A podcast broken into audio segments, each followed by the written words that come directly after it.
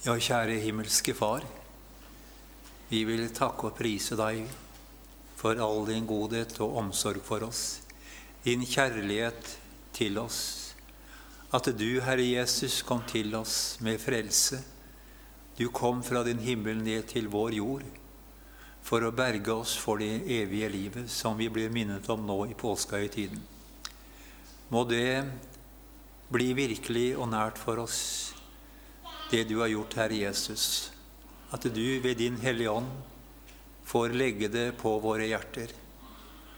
Må du velsigne gudstjenesten i ditt eget navn. Amen.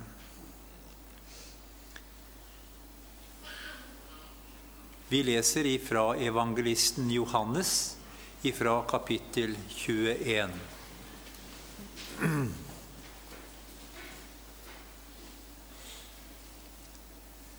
Siden åpenbarte Jesus seg enda en gang for disiplene ved Tiberiassjøen. Det gikk slik til. Simon Peter, Thomas, som ble kalt Tvillingen, Natanael fra Kana i Galilea, Sebedeus-sønnene og to andre av disiplene hans var sammen der. Simon Peter sier til de andre, 'Jeg drar ut og fisker.' 'Vi blir også med', sa de. De gikk av sted og steg i båten, men den natten fikk de ingenting. Da morgenen kom, sto Jesus på stranden, men disiplene visste ikke at det var han. 'Har dere noe å spise, barna mine?' sa Jesus til dem. 'Nei', svarte de. 'Kast garnet ut på høyre side av båten.' Så skal dere få, sa Jesus. De kastet garnet ut, og nå klarte de ikke å dra det opp. Så mye fisk hadde de. Så mye fisk hadde de fått. Disippelen som Jesus hadde kjær, sa da til Peter, 'Det er Herren'. Da Simon Peter hørte det var Herren, bandt han kappen om seg den hadde han tatt av og kastet seg i sjøen. De andre disiplene kom etter i båten og dro garnet med fiskene etter seg. De var ikke langt fra land, bare omkring 200 alen. Da de var kommet i land, så de et bål der, og det lå fisk og brød på glørne. Kom hit med noen av de fiskene dere nettopp fikk, sa Jesus til dem.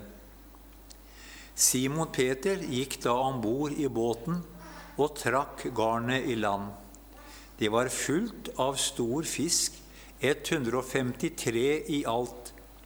Men enda det var så mange, revnet ikke garnet.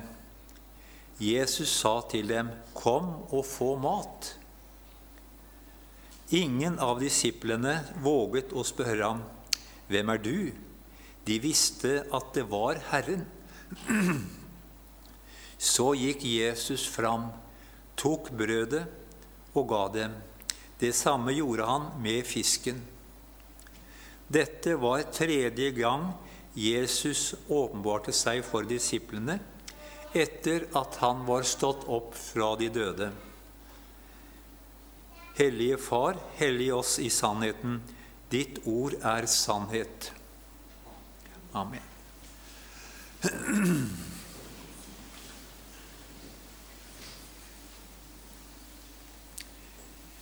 Ja, som vi sang sammen, fred var den gaven Jesus oss brakte. Det var også den hilsen han møtte disiplene med da han åpenbarte seg for dem på oppstandelsesdagen. Fred være med dere. Og da han hadde sagt dette, så viste han dem sine hender og sin side. Og han gjentar, 'Fred være med dere'. Jesus gjentar altså denne fredshilsen etter at han har vist dem sine sår, sårmerkede hender, og sin side. Jeg tenker at når Jesus har vist dem sine sårmerkede hender, så er det for å overbevise dem om at det er den Jesus som de har gått sammen med i tre år. Som de så blei spikra fast på en trestokk og lagt i en grav.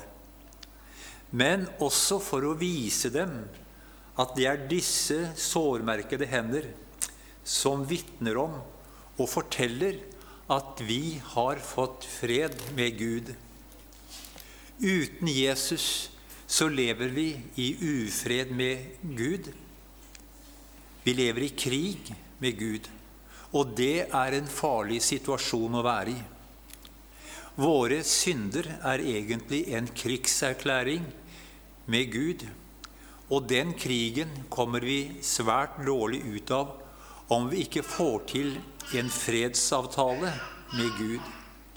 Og Jesus har jo nettopp tilveiebrakt den fredsavtale med Gud for oss ved at han tok dommen og straffen for våre synder. Det som skilte oss fra Gud. Og da han sto opp påskemorgen, så var også døden overvunnet. Nå har livet seire, seiret. Vi har fått fred og vennskap med Gud og det evige livet. Det er livet som får siste ord for Jesu venner. Det er en gave som rekkes oss. Vi har ingen del i den redningsoperasjonen som Gud igangsatte ved sin sønn Jesus Kristus. En gave vi skal få ta imot i tro og takknemlighet, som salmedikteren minner oss om. Jeg vil takke min gjenløser for den seier han meg gav, så min sjel kan triumfere over synd og død og grav. Teksten den, også denne søndagen forteller om at Jesus åpenbarer seg for noen av sine disipler etter oppstandelsen. Og det er bare Johannes som forteller denne hendelsen ved Tiberias-sjøen. Matteus han forteller at um, da kvinnene kom til graven påskemorgen, så møter de en engel som sier at Jesus har stått opp fra de døde og at han går i forveien for dere til Galilea. Der skal dere få se ham.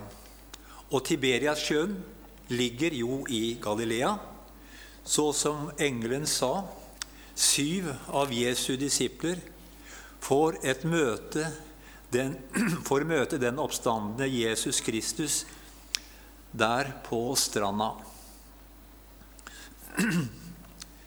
Det var vel nærmest en katastrofe for disiplene da Jesus ble korsfestet og døde. Det var jo egentlig utenkelig for dem at han som skulle forløse Israel, skulle ende sine dager på denne måten. For ifølge jødenes Messias' forventning skulle han tvert om seire på alle kanter. De tenkte at Guds rike gjennom Israel skulle stå fram som en stormakt ytre sett, nærmest som en politisk størrelse. Som Emmaus-vandrerne uttrykte det, og vi som hadde håpet at det var han som skulle forløse Israel, eller befri Israel. En Messias som lider en så forsmedelig død, nederlag, som Jesus gjør på korset, var for jødene ensbetydende med at han egentlig var en falsk Messias. Og til Jesus hadde disiplene satt alt sitt håp. På ham hadde de bygget sitt liv og sin framtid. Så når han dør, er det for dem som om verden raser sammen. Men vi hedninger skal egentlig være glade for at Guds rike er av et annet slag enn disiplene tenkte der og da. For vi hedninger er også regnet med i Guds frelsesplan, og vi inviteres også inn i Guds rike. Og det hadde jo nettopp profeten Jesaja forutsagt mange hundre år tidligere at Jesus skulle være en frelser også for oss hedninger, der han sier i kapittel 49 og vers 6 om Jesus Jeg gjør deg til et lys for folkeslag, så min frelse kan nå til jordens ende. Men etter oppstandelsen må Jesus fornye disiplenes tro på ham som Guds Messias. Og det gjør han ved at han viser seg for dem og forklarer for dem det som står skrevet. Det hadde han jo talt med dem om da han gikk sammen med dem i disse tre årene før sin død. Men det var liksom ikke gått inn hos dem at det Messias skal lide og stå opp fra de døde tredje dag. For når Jesus åpenbarer seg for de elleve disiplene oppstandelsesdagen om kvelden da, så blir de veldig forferdet. Det er glede og tvil om hverandre. Det står at de i sin glede ikke kunne tro, men bare undret seg. For det var jo i utgangspunktet for dem utenkelig at en som var død, kunne ta livet tilbake og bli levende igjen. Men så når de syv disiplene er samlet ved Tiberiassjøen, og har Jesus åpenbart seg for dem to ganger tidligere De hadde fått en sterk og konkret opplevelse av at han levde. Men at Jesus hadde stått opp, det var ikke helt kommet under huden på dem. Og det er vel noe av denne usikkerheten som preget de disiplene som var samla der ved sjøen. For hva betydde det for dem egentlig? Og hvordan ville veien videre bli? For det at Jesus hadde stått opp fra de døde, det var jo en grensesprengende hendelse. De kunne heller ikke gå videre som om ingenting var hendt.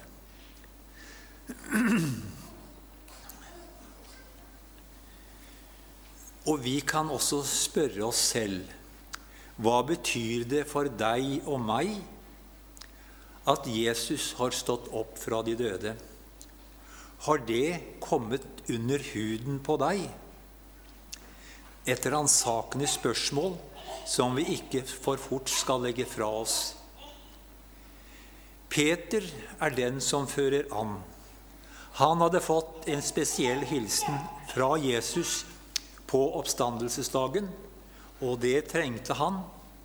Han som virkelig hadde tabba seg ut i yppersteprestens gårdsplass da han nekta på, ja, han til og med banna på at han ikke hadde kjent Jesus. Men Jesus hadde ikke avskrevet Peter. Han tenkte ikke at Peter kan jeg ikke bruke.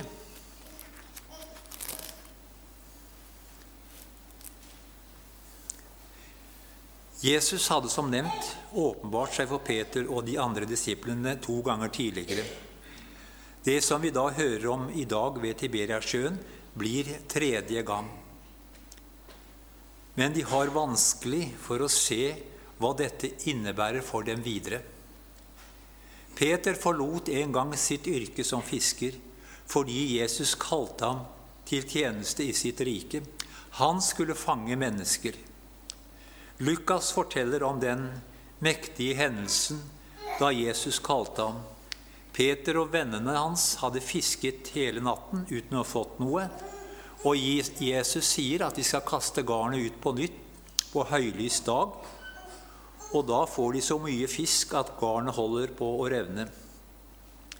Men på Jesu ord så forlater Peter fiskeyrket og følger Jesus. Og nå er han tilbake i Galilea der det hele startet. Og i den usikre situasjonen som han kjenner på, er det litt naturlig at han søker tilbake til det han en gang forlot, altså fiskeyrket. For på en måte å finne fotfeste igjen. Det er tross alt noe han kan og kjenner. Og vi kan vel i våre egne liv kjenne oss litt igjen i disiplenes reaksjon og tanker, som de hadde i forbindelse med Jesu død og oppstandelse. Fra dyp sorg og fortvilelse og motløshet da Jesus blir korsfestet og dør, til stor glede, men også usikkerhet og tvil da de møter den oppstandende Jesus. Det må jo ha vært et veldig spenn i hva de tenkte og trodde disse dagene. Og vi kan vel alle ha mer eller mindre erfaringer med at vårt kristenliv kan svinge fra glede og trygghet til utrygghet og motløshet. Kristen tro kan være skjør og sårbar. Vi kan oppleve store og rike ting i vårt forhold med Jesus. Han kjennes så nær. Han hører mine bønner. Men så kan det, somme tider, så kan det med Jesus bli så fjernt og så teoretisk. Han blir litt borte for oss.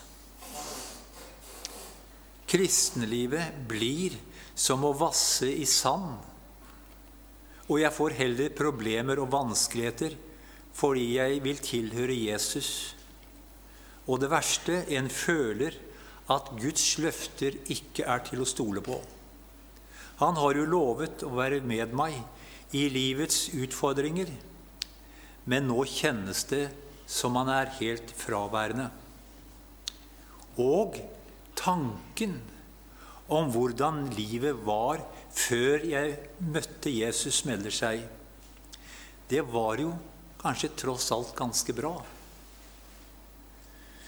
Og djevelen og verden lokker med sitt. Og det er klart, den intense kampen om Guds ord og mot Guds ord, det påvirker oss.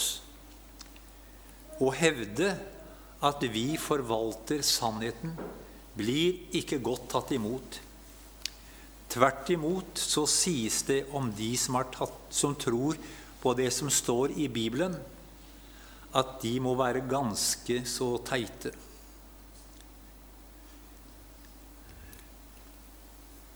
Johannes han forteller i kapittel 6 om, en, om noen av Jesu disipler som også trakk seg unna.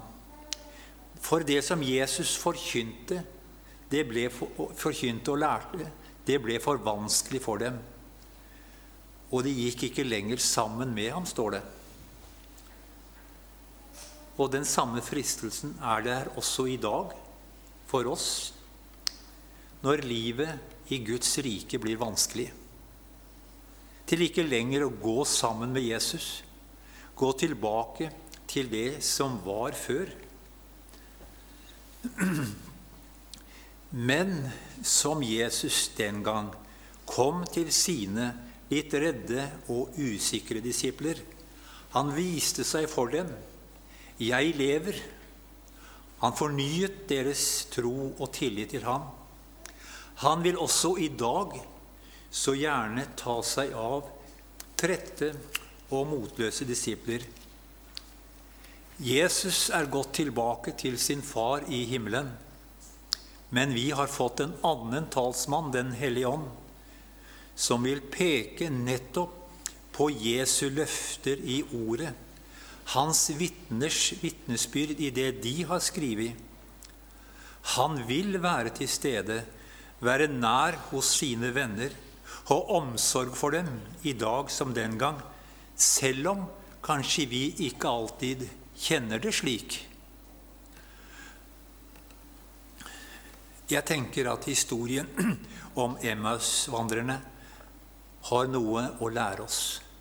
Når Jesus går sammen med dem, var det ordet han brukte for å overbevise dem om at han var den lovede Messias. Helt fra Moses og profetene minner han dem om. Og vi hører deres reaksjon. Brant ikke hjertet i oss da han talte til oss på veien og utla Skriftene for oss? Og Paulus sier i Efeserbrevet 1.: I ham har dere kommet til tro da dere hørte sannhetens ord, evangeliet, om deres frelse. Det er i ordet og ved nattverdsbordet Jesus vil møte sine disipler i dag og overbevise det oss om sine løfter, om at det med Jesus og Guds rike er trygt og sant, som vi kan bygge våre liv på, uansett hva andre mener og sier. Så, som vi skjønner, det er livsfarlig å ikke bruke Guds ord og utebli fra nattverdsbordet. Men tilbake til Peter og de andre disiplene. Peter sier han vil dra ut og fiske, for det er jo noe han kan. Og de andre svarer vi blir også med. Og de får en fisketur som de sent vil glemme. Hele natten får de jo ingenting. Om morgenen så står Jesus på stranden, men de kjenner ham ikke. Og han spør om de har, fått noe, har noe å spise. Barna, har dere noe å spise, barna mine? Og de må jo si at det har de ikke. Hvorpå Jesus sier, kast garnet ut på høyre side av båten, så skal dere få. Disiplene gjorde som Jesus sa, og de fikk så mye fisk at de ikke klarte å dra noten opp i båten. Dermed så hadde Jesus gjort noe han hadde gjort før, den gangen han kalte, kalte dem og Peter.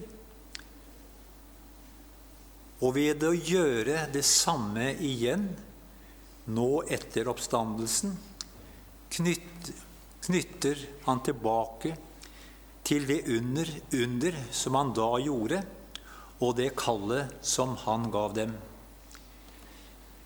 Det, dette det blir på en måte en reprise på det Jesus gjorde for disiplene for tre år siden. Han henter de tilbake til seg og til den tjenesten som han vil ha dem inn i, med å være vitner om det Jesus har gjort, om den oppstandende Frelser og Herre.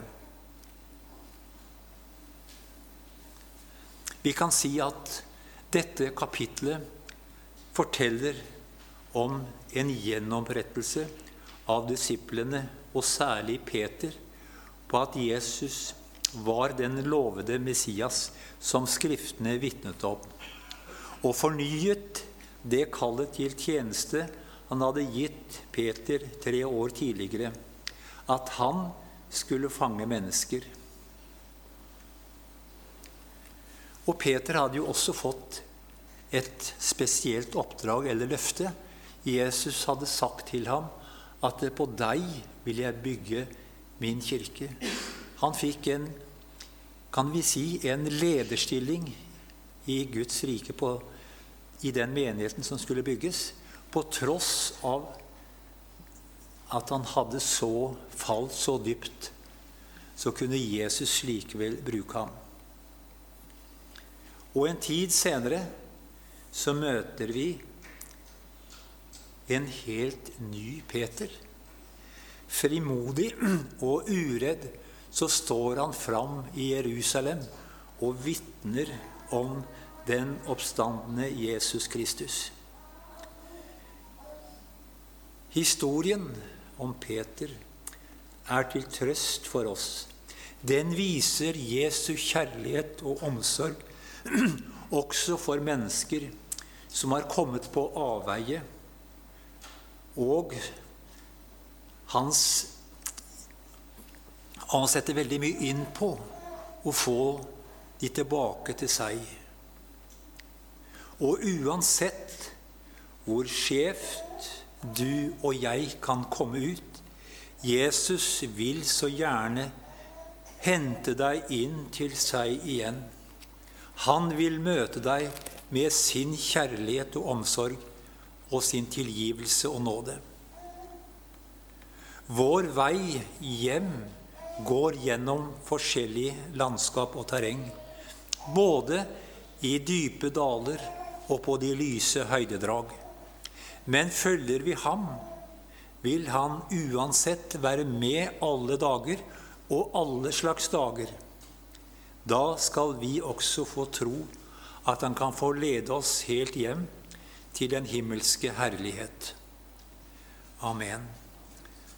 Ære være Faderen og Sønnen og Den hellige ånd, som var, er og være skal, en sann Gud, velsignet i evighet. Amen.